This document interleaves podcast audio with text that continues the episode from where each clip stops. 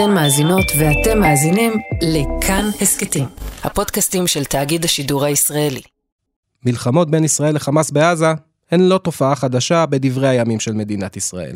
היה עופרת יצוקה ב-2008, היה עמוד ענן ב-2012, צוק איתן ב-2014, ומבצע עלות השחר ב-2022. כואב להגיד את זה, אבל מלחמה היא סיטואציה מוכרת לאזרחי ישראל. אבל הלחימה נגד חמאס בדרום הארץ זה לא עוד מלחמה או מבצע או סבב בינינו לבין חמאס. מהרגע הראשון היה לה מאפיין אחד, ייחודי, שמבדל אותה מכל המבצעים שהיו בעזה ומכל מלחמות ישראל האחרות. כי כבר ב-8 באוקטובר, יום אחרי הטבח בדרום, מלחמת אוקטובר 2023 הפכה למלחמה גלובלית. ארה"ב, בתמיכה מלאה לישראל, שולחת לכאן לאזור נושאת מטוסים מלווה בספינות קרב שכבר עושות את דרכן הנה. הצבא האמריקני גם מתגבר את מערך מטוסי הקרב שלו באזור. הנוכחות הצבאית האמריקנית באזור הייתה רק ההתחלה.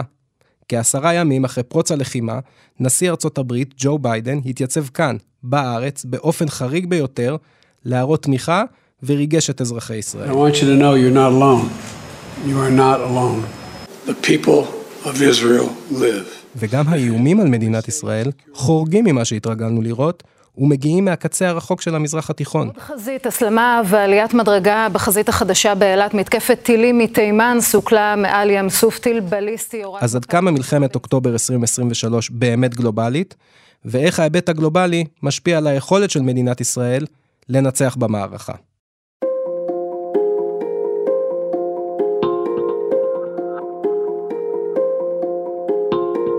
שלום, אני יותם רוזנבלד ואתם על עוד יום, הסכת האקטואליה של כאן. בפרק הזה ננסה לעצור לרגע ולהסתכל על רמת המקרו של המלחמה. אילו מדינות מרכיבות את הצירים שעומדים מאחורי ישראל וחמאס? על אילו אינטרסים מנסה לשמור כל צד?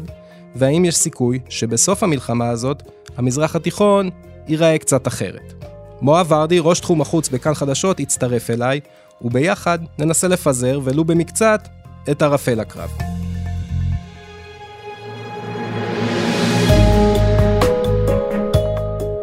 שלום למואב ורדי. שלום יותם. תגיד לי, למה בכלל המלחמה בעזה היא גם אירוע גלובלי? המלחמה בעזה היא אכן אירוע גלובלי.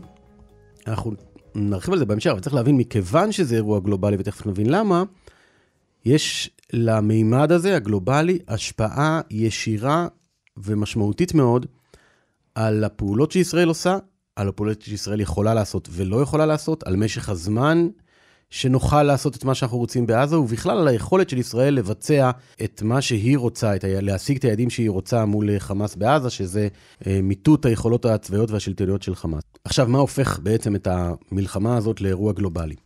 זה בכמה ממדים. קודם כל, בגלל שחמאס, שהוא האויב כרגע, שמולו אנחנו נלחמים, הוא חלק מציר מסוים. Mm-hmm. ציר אידיאולוגי, פוליטי, מדיני, שקודם כל במעגל הראשון הוא חלק מהסיפור הפלסטיני, ובמעגל הרחב יותר הוא חלק אה, מציר שבראשו עומדת איראן, שכולל את חיזבאללה, כולל ראינו את החות'ים בתימן, כולל את המיליציות האיראניות בעיראק, כולל את הכוחות האיראנים בסוריה, וכולל את אה, איראן עצמה. ובמובן היותר רחב אפילו, וביתר שאת מאז המלחמה באוקראינה, העולם מתחלק לשניים. שני, אה, שני גושים, שני צירים. ציר אחד, שאוקראינה הייתה ראש החטא שלו, ומאחוריה מעצמות המערב, בעיקר ארצות הברית, ובצד השני רוסיה שנלחמה באוקראינה, mm-hmm. ומאותו רגע, למעשה, מבחינת הרוסים, העולם מתחלק לשניים. מי שבעד אוקראינה, ועם ארצות הברית, הוא בהכרח נגדנו. ולציר הזה, רוסיה אחר כך מחברת את סין ואת איראן. זאת אומרת שסין מבחינתך היא גם חלק מהציר הזה, היא לא איזה שחקן עם אג'נדה לא ברורה. נכון, במידה אחרת אולי של מעורבות מרוסיה ואיראן כמובן, אבל ברור מאליו של אותו ציר. עכשיו, הנקודה המשמעותית ביותר, היא שברגע שארצות הברית מעורבת בצורה כל כך גדולה ומשמעותית בסיפור הזה של המלחמה כאן, mm-hmm. מיד זה הופך את, ה, את ההתמודדות כאן, את העימות, את המערכה, גם לסיפור גלובלי, כי כל מי שמתנגד להשפעה האמריקנית, מיד מתייצב גם בעד חמאס ובמשתמע נגד ישראל. זאת אומרת, המאבק הגדול הוא, הוא מאבק על הגמוניה. בעצם רוסיה רואה את המלחמה באוקראינה כהמשך הניסיון לצמצם ולפגוע במעמדה הגלובלי, שארצות הברית מובילה, ולכן השטן הגדול פה זה ארצות הברית. מבחינת סין, האויב מספר אחת שלה בקרב על ההגמוניה העולמית זה ארצות הברית, ווייס ורסה. Mm-hmm. וכמובן איראן, שהיא גם רואה בארצות הברית השטן הגדול, בישראל השטן הקטן, ומחוברת מאוד לרוסיה. ראינו את השיתוף פעולה ביניהם במלחמה באוקראינה, כשהאיראנים למעשה הם מוכרים לרוסים מל"טים שמתפוצצים על ערי אוקראינה. ומרגע שארצות הברית נהייתה מעורבת, והיא מאוד מעורבת, אז בעצם החבורה הזאת של הציר הנגדי, רוסיה, סין, איראן ושלוחותיה במזרח התיכון, חיזבאללה וחמאס בראשם, בעצם רואות במלחמה פה חלק ממה שהן תופסות כצורך להילחם בהשפעה האמריקנית. עכשיו, הברית לא רק אה, מהווה איזושהי מטריה רעיונית או דיפלומטית לסיפור פה, מטריה שמגינה עלינו, כמו שקרה גם במקרים אחרים. אתה רואה את שני נוסעות מטוסים mm-hmm. אמריקניות מגיעות הנה כדי להרתיע את חיזבאללה, שהוא חלק מהציר הזה. אתה רואה את ביידן מדבר באופן אה, אמפתי שלא ראינו כמוהו, בהזדהות שלא ראינו כמוה, עם, אה, עם ישראל, עם הישראלים, עם הקורבנות, עם החטופים. אתה רואה את ארה"ב מעורבת מדינית בצורך, אם זה להכניס סיוע לעזה, או בצורך לשחרר את החטופים, או שוב ושוב בצורך להזהיר את השחקנים האחרים לא להיכנס למלחמה. Let me say again, to any country, any organization, anyone thinking of taking advantage of this situation, I have one word, don't. ולכן, אמ, לכן בגלל מעורבות כל כך גדולה אמריקנית, זה מיד אמ, נתפס גם כאירוע גלובלי, ורק נגיד ש... אני אתן לך דוגמה. למשל, מאז תחילת המערכה, מאז תחילת המלחמה, היו יותר מ-30 תקיפות של בסיסים אמריקנים במזרח התיכון. לא קשור לישראל. אנחנו רואים את זה בכותרות התחתונות האלה, בסוף של האתרים בדרך כלל, את הדיווחים האלה. נכון, כולל אה, אזרח אמריקני שנפגע קשה, כולל אה, אה, הרס רב. מה זה ההתקפות האלה? זה תקיפות, התקפות של מיליציות פרו-איראניות, שבעצם רוצות לגבות מארצות הברית מחיר על המלחמה שלה פה. מבחינת איראן, האסטרטגיה האיראנית היא כל הזמן, ללא הרף, לייצר הרתעה מול ישראל באמצעות פעולות אקטיביות שיפגעו בנו. החל מניסיון לכתוב ישראלים בחו"ל, כמו שראינו בקפריסין היה ניסיון, ובטורקיה כמובן, לפגוע ולהרוג ישראלים בפיגועים של שלוחי איראן, אה, וכלה באמצעות הפרוקסיס שלה, השלוחות שלה, מסביבנו, חמאס, חיזבאללה, אמ, הכוחות בסוריה, והצטרפו גם החות'ים בתימן עם אותם טילים שהם אה, משגרים אה, מתימן דרך הים האדום בניסיון לפגוע בישראל, ושכמובן, למזלנו, יורטו. אז מכל הסיפור הזה, אתה מבין שעזה היא חלק ממשחק הרבה יותר גדול, ואנחנו ועזה בסיפור הזה חלק מלוח שחמט הרבה הרבה יותר מורכב. אם אני מבין ממך, בעצם ארצות הברית עם התגובה שלה, של הנוסעות מטוסים שהגיעו לפה, היא בעצם קבעה כבר שזה אירוע גלובלי. היא העצימה את זה. היא העצימה את זה. אה, למה? בגלל שאם ארצות הברית עכשיו אומרת, רגע, רגע, רגע, רגע, אני לא מוכנה שחיזבאללה ייכנס למערכה הזאת ויפתח וזה יתפתח למלחמה רחבה יותר, אז היא כבר שחקן, היא שחקן בעימות הזה. העימות הזה הוא כבר לא רק חמאס, הוא גם מול חיזבאללה, וארצות הברית היא חלק בו. ואני רוצה להגיד כמה מילים על האינטרס האמריקני באזור. ארצות הברית כאן, גם בגלל שהיא תומכת בישראל, והיא רוצה לוודא שישראל אה, תנצח ולא תיפגע יותר, אבל היא גם דואגת לאינטרסים שלה. והאינטרס העליון האמריקני כרגע, הוא למנוע את ההתרחבות וההתפשטות של המערכה בעזה למלחמה אזורית כוללת, שתפגע מאוד גם באינטרסים האמריקניים באזור, למשל אותם בסיסים, אבל גם במובן הרבה יותר רחב, תכניס את המזרח התיכון כולו למצב אה, של לחימה, למצב של אי יציבות, ותכניס את ארצות הברית למלחמה בתנאים שלא טובים לה. היא לא רוצה מלחמה יותר במזרח התיכון, היא לא רוצה להיות יותר מעורבת במלחמות במזרח התיכון. זה לא רק אה, ביידן, זאת אומרת, גם מאובמה ודרך טראמפ. האסטרטגיה הייתה, אנחנו לא רוצים יותר מלחמות במזרח התיכון, זה לא טוב לנו, זה לא טוב לנו, כי אנחנו לא רוצים חיילים אמריקנים חוזרים בארונות לטקסס או למיסיסיפי, ואנחנו לא רוצים שזה ישפיע על הכלכלה שלנו, וזה לא טוב לנו, ואנחנו לא רוצים להיות השוטר של העולם, ולכן אובמה מכריז את זה, טראמפ ממשיך בזה, ביידן מוציא את ארה"ב מאפגניסטן, ומאותו טעם נוסעות המטוסים מגיעות לכאן, לאגן הים התיכון, נוסעות המטוסים האמריקנית, לא כדי לתקוף, אלא מתוך מחשבה שעצם נוכחותם כאן ירתיע את חיזבאללה ושותפיו מלתקוף, ובכך תימנע התלקחות אה, גדולה יותר.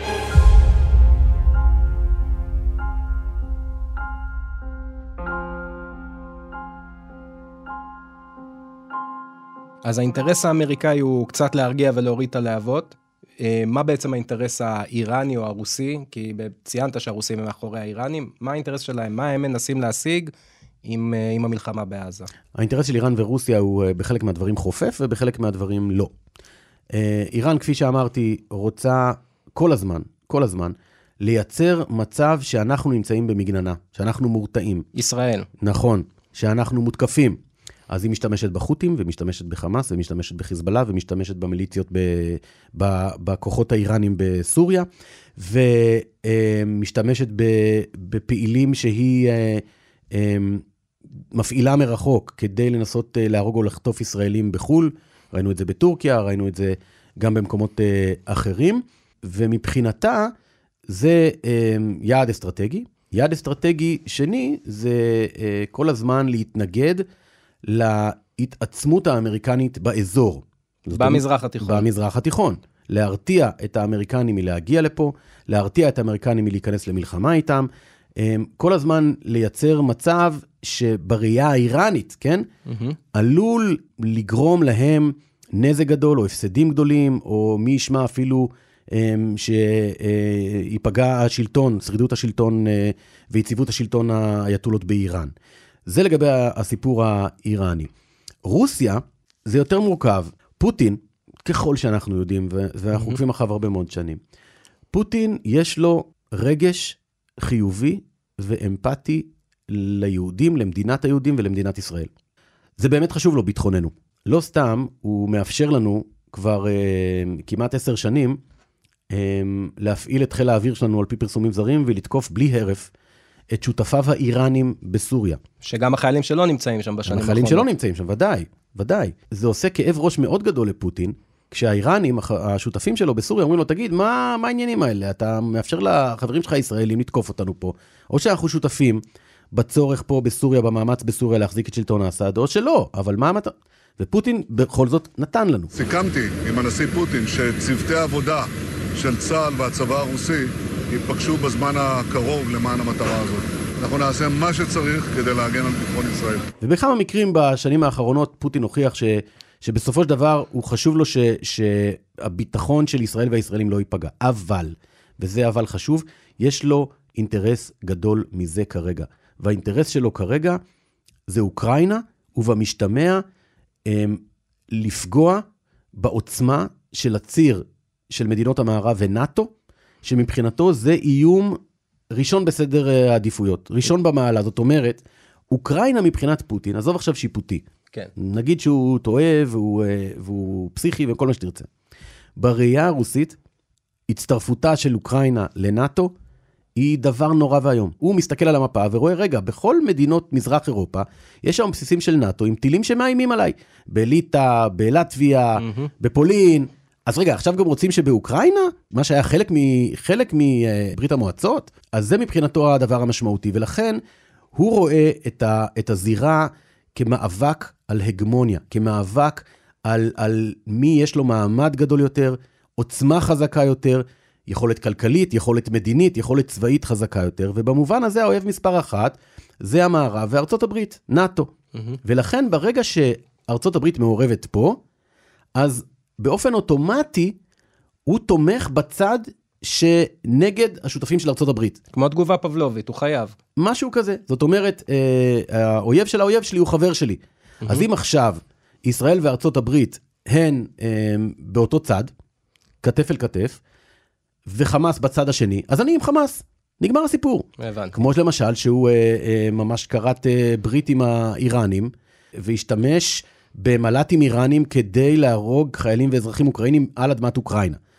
אותו דבר, אז מבחינתו, אם עכשיו אה, אה, חמאס נלחם בישראל ובמשתמע בארצות הברית, אז אני עם אה, חמאס. האם היית אומר שרוסיה ואיראן, באמצעות חמאס וחיזבאללה והחות'ים, בעצם מנסים לקרוא תיגר על, ה, על הסדר הפוליטי, הסדר המדיני שיש במזרח התיכון ב-50-70 שנה האחרונות?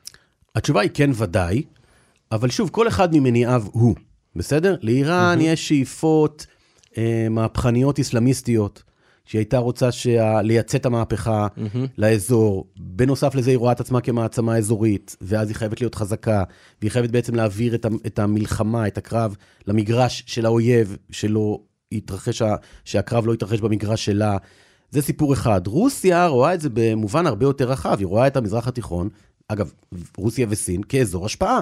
אזור השפעה שצריך לדאוג שלא ייפול כל כולו לידיים אמריקאיות. Mm-hmm. במובן הזה, רוסיה היא באמת בציר שנגדנו. עכשיו, פוטין גם לא מסתיר את זה, הוא דיבר בצורה שלא שמענו ממנו אף פעם, אף פעם. это легко сделать, потому что, как я уже и говорил... על תמיכתו בחמאס, ועל הביקורת שלו על ישראל, ועל בכלל הדיבור וההתייחסות לישראל במונחים של אה, פושעת, עושה מעשים שלא יעשו, במונחים של צדק של החמאס ואי צדק של, אה, של ישראל במערכה הזאת, וכן הלאה, מכיוון שכמו שאמרנו, אי אפשר יותר להיות גם וגם. אי אפשר להיות גם אנטי-אמריקני וגם פרו-ישראלי. זה הפך להיות כל כך רעיל וכל כך דיכוטומי, בעקבות בעיקר המלחמה באוקראינה. המלחמה באוקראינה הייתה נפץ שפוצץ את אדי הדלק האלה, זה תמיד היה קיים, אבל בעיקר מאז המלחמה באוקראינה, אם אתה עם אמריקה, אז אני נגדך.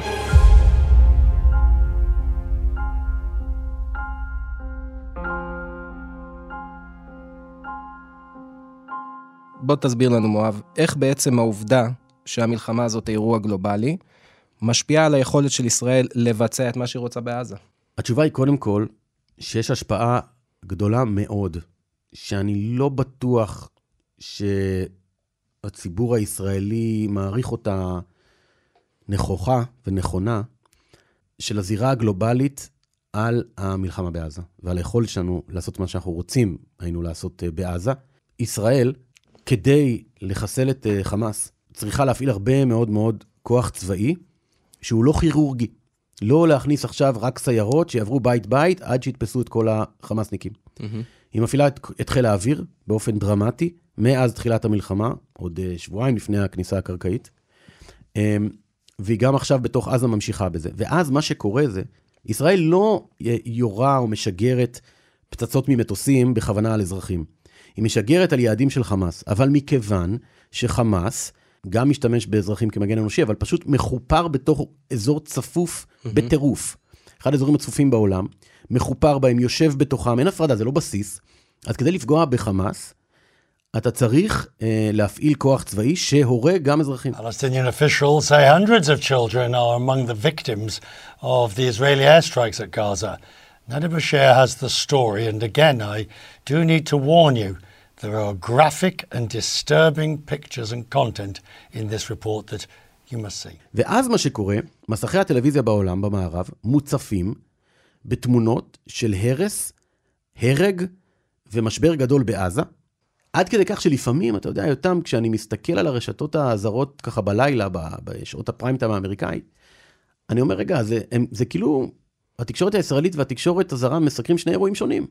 עד כדי כך? ממש. זאת אומרת, הייתה בשבוע שעבר הפצצה של אה, חיל האוויר על uh, מתחם של אחד הגדודים של חמאס בג'באליה. ולפי uh, דובר צה"ל גם uh, הצלחנו בו להרוג את uh, מפקד הגדוד שם, מפקד הגדוד של חמאס. עכשיו, מה שקרה, חיל האוויר הפציץ את המקום, וכנראה, גם בגלל שמתחת היו מנהרות, אז הבתים פשוט קרסו. והתמונות שראו בעולם הן תמונות של מכתש עצום. כן, אני זוכר את התמונות האלה. מכתש אדיר, בקוטר של עשרות מאות מטרים אפילו, באמצע מחנה פליטים. עכשיו, אני לא, אני לא מנסה לשכנע, אני מנסה להסביר לך רגע איך הצופה הממוצע בלונדון או בלוס אנג'לס או בפריז רואה את זה. פותח טלוויזיה, מה הוא רואה? והוא רואה אה, אה, את חיל האוויר, אחד החזקים בעולם, מפציץ בניינים באמצע מחנה פליטים, והרג נרחב של ילדים ונשים, לא בכוונה, אבל באופן בלתי נמנע, זה מה שקורה. משבר הומניטרי גדול, בתי החולים, פצועים, ילדים יתומים, ילדים עם דם, מה שאתה רוצה, בכמויות של כל ערב, ברמה שהתוכניות בתקשורת הזרה, חצי שעה ראשונה מדברות על זה. אנחנו כבר כאילו חודש מאז ה-7 באוקטובר ומעשה הזוועה כן. הנאצים שחמאס עשה לנו. העולם היה קשוב לזה. ואז מה שקורה, העולם אומר, רגע, רגע, רגע, רגע, רגע. אנחנו מבינים שאתם צריכים כרגע לפגוע ולהשמיד את חמאס, אחרי מה שהוא עשה לכם. אנחנו אפילו תומכים מאוד בזה. אבל למה אתם הורגים כל כך הרבה אזרחים, נשים וילדים? למה אתם מפציצים ב-F-16 או F-15 שכונה שלמה במחנה פליטים, שאחרי זה כל התמונות זה שמחלצים ילדים מתוך ההריסות כמו אחרי רעידת אדמה. העולם לא מבין את זה. מה הציפייה, שיכניסו גדוד חי"ר שלם כדי להוציא בן אדם נגיד? אני לא יודע מה הציפייה, העולם לא, לא יורד לרזולוציה הזאת. כשנראיין את העולם, נשאל אותו. Mm-hmm. אני כרגע מ- מ- מ- מתאר לך תמונה, תרתי משמע, שבה העולם אומר, זה, זה לא פרופורציונלי, זה מוגזם, זה לא מה, בשביל להרוג איזה. נגיד שהרגתם שם איזה חמאסניק, בשביל זה צריך להחריב שכונה שלמה במחנה פליטים במקום כל כך צפוף, שגורם לכל כך הרבה הרס והרג, ועוד של נשים וילדים. זאת בעיה מכיוון, ופה אני חוזר לשאלה שלך, מכיוון שישראל לא יכולה לפעול בלי לגיטימציה בינלאומית. היא יכולה להתנגד לה, היא יכולה להגיד אין לנו ברירה, אבל בסופו של יום, בסוף בסוף, בלי לגיטימציה בינלאומית, בלי לגיטימציה ומטריה מדינית, אמריקנית, אירופית, ישראל תתקשה מאוד מאוד מאוד להמשיך בלחימה. מאוד מאוד מאוד. ולכן זה דרמטי.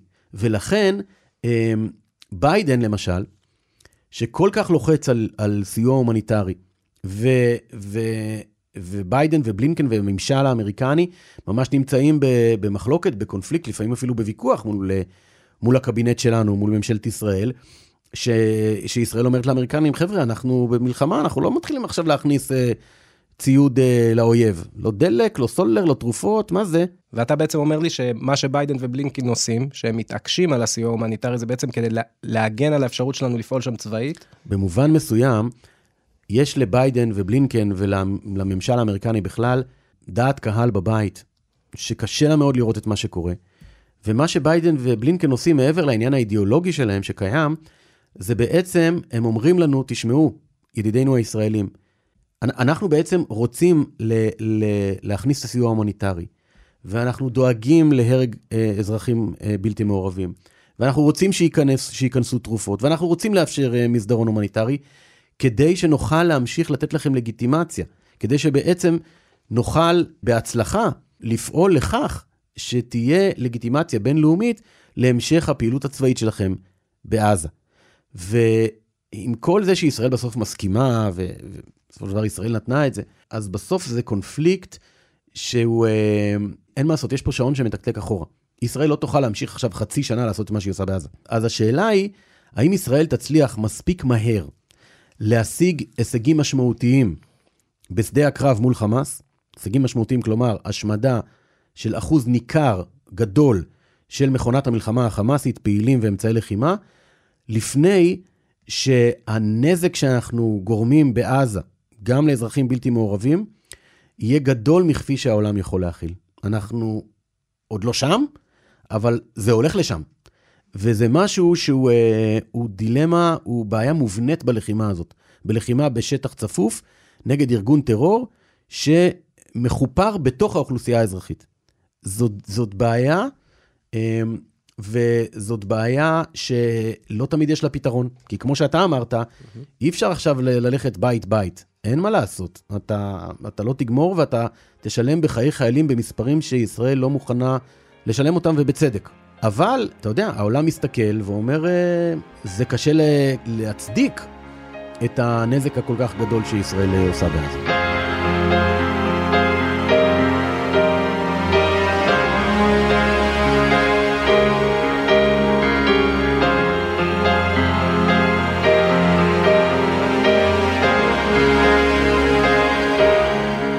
מואב, אנחנו רואים uh, המון ביקורת מצד מדינות uh, סוניות מתונות כלפי ישראל, אני מדבר על מצרים, על ירדן שגם החזיר את השגריר, על האמירויות, על סעודיה. עד כמה המלחמה הזאת בעזה מסכנת את כל המהלכים הדיפלומטיים והמדיניים והסכמי שלום שישראל יש לה ועשתה בשנים האחרונות. שאלה מצוינת, תראה, המדינות, ה... המדינות האלה נמצאות ב... ב... בצוות, לא פשוט. מצד אחד, הם חלק מהעולם הערבי. ותושבי עזה הפלסטינים הם חלק מהעולם הערבי. הן מרגישות אחריות לסולידריות, אפילו אה, לשלומם של אזרחי עזה. תוסיף לזה דעת קהל באותן מדינות, ירדן, מצרים, סעודיה, איחוד האמירויות, ששם במשך עשרות שנים, עשרות שנים, mm-hmm. השליטים הדיקטטורים חינכו את הציבור, ממש, לא רוצה להגיד שטיפת מוח, אבל ממש אה, עיצבו את התודעה של הציבור, שהמקור לכל צרותיהם זה ישראל. אין לכם מים, זה בגלל ישראל. אין לכם כסף, זה בגלל ישראל. אין פה זכויות אדם, זה בגלל ישראל. בגלל מה שישראל עושה, בגלל שישראל קיימת, ובטח בגלל מה שהיא עושה לפלסטינים. קשה מאוד בהינף אה, יד או עין לשנות את התודעה הזאת, כשפתאום השליט מחליט שכרגע יש לו אינטרס לנורמליזציה עם ישראל. ולכן זאת, זאת התמודדות לא פשוטה לשליטים במדינות ערב, שישראל, לפי התמונות שהרגע דיברנו עליהן, מבצעת אה, הרג נרחב בעזה, במרכאות, או בלי מרכאות. ו, ומה, אנחנו שותקים? מה זה? אז אתה רואה גם את הירדנים, אולי החריפים ביותר בתגובתם, מחזירים שגריר, עבדאללה מדבר על המעשים של ישראל כלא לגיטימיים. The relentless bombing campaign underway in Gaza, as we speak, is cruel and unconscionable. on every level. It is collective punishment of a besieged and helpless people. It is a flagrant violation of international humanitarian law. It is a war crime. אתה רואה את איחוד האמירויות, מדברת על כך, עוד החלטת פרלמנט שלא, שמנתקים את היחסים הכלכליים. אתה רואה את סעודיה בהתבטאות נגד מה שמיכאל אליהו אמר, ואתה רואה את, ה, את התגובה במדינות ערב ככזאת שמחריפה את, ה, את הסנטימנט שקיים ואת, ה, ואת היחסים עם ישראל. אבל, וזה אבל גדול, בסופו של דבר, לפחות עד עכשיו, האינטרסים הבסיסיים לא השתנו בעקבות המלחמה בעזה.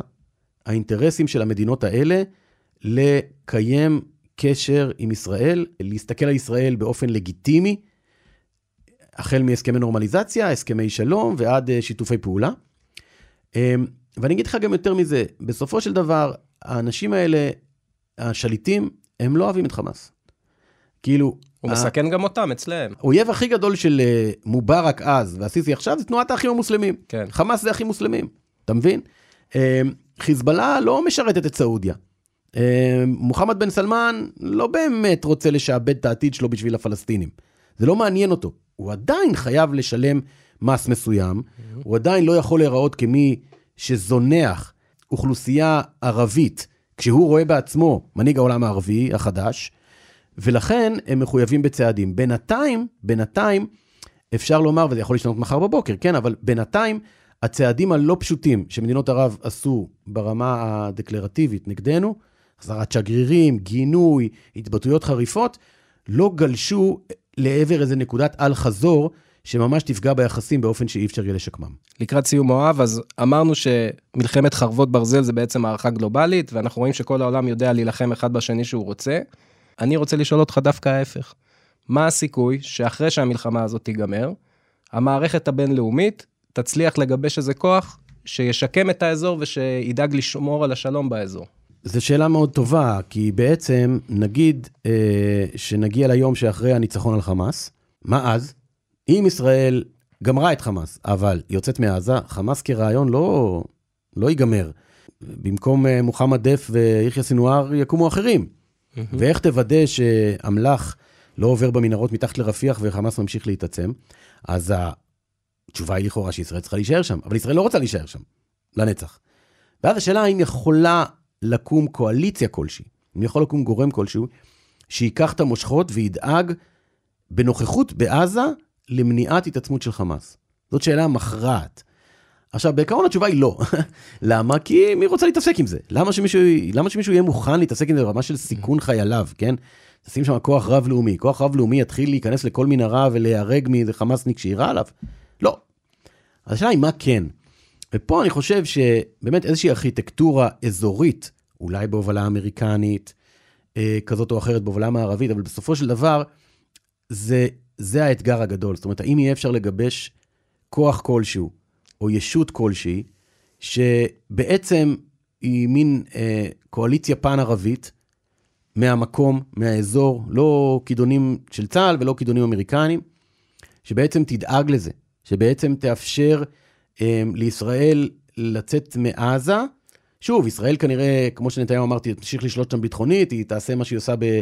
בערי אה, יהודה ושומרון, הערים הפלסטיניות, כן? Mm-hmm. נכנסת לשכם כל פעם או לג'נין כל פעם, שיש איזה מודיעין על, על מחבל או התארגנות טרור, אבל לא תהיה שם דרך קבע. ואז השאלה, באמת, האם הפעם אפשר יהיה לארגן איזשהו אה, כוח אה, שבמהותו הוא כוח אזורי ערבי, כדי שייקח שם את המושכות, בין אם לתקופה ארוכה מאוד, או עד שאנשי הרשות הפלסטינית יחזרו שם.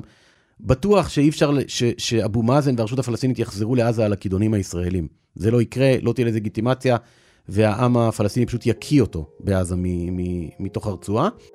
ולכן השאלה היא באמת, האם יש פה איזשהו סיכוי לכוח בינלאומי, לא ישראלי ולא פנים פלסטיני, שיוכל לדאוג לזה.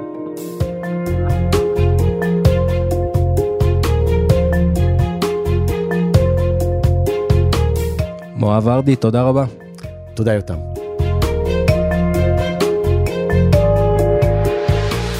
האזנתם לעוד יום. תודה רבה לליטל אטיאס על הביצוע הטכני ולרונן דהן על עיצוב הקול והמיקס. עורך עוד יום, דניאל אופיר.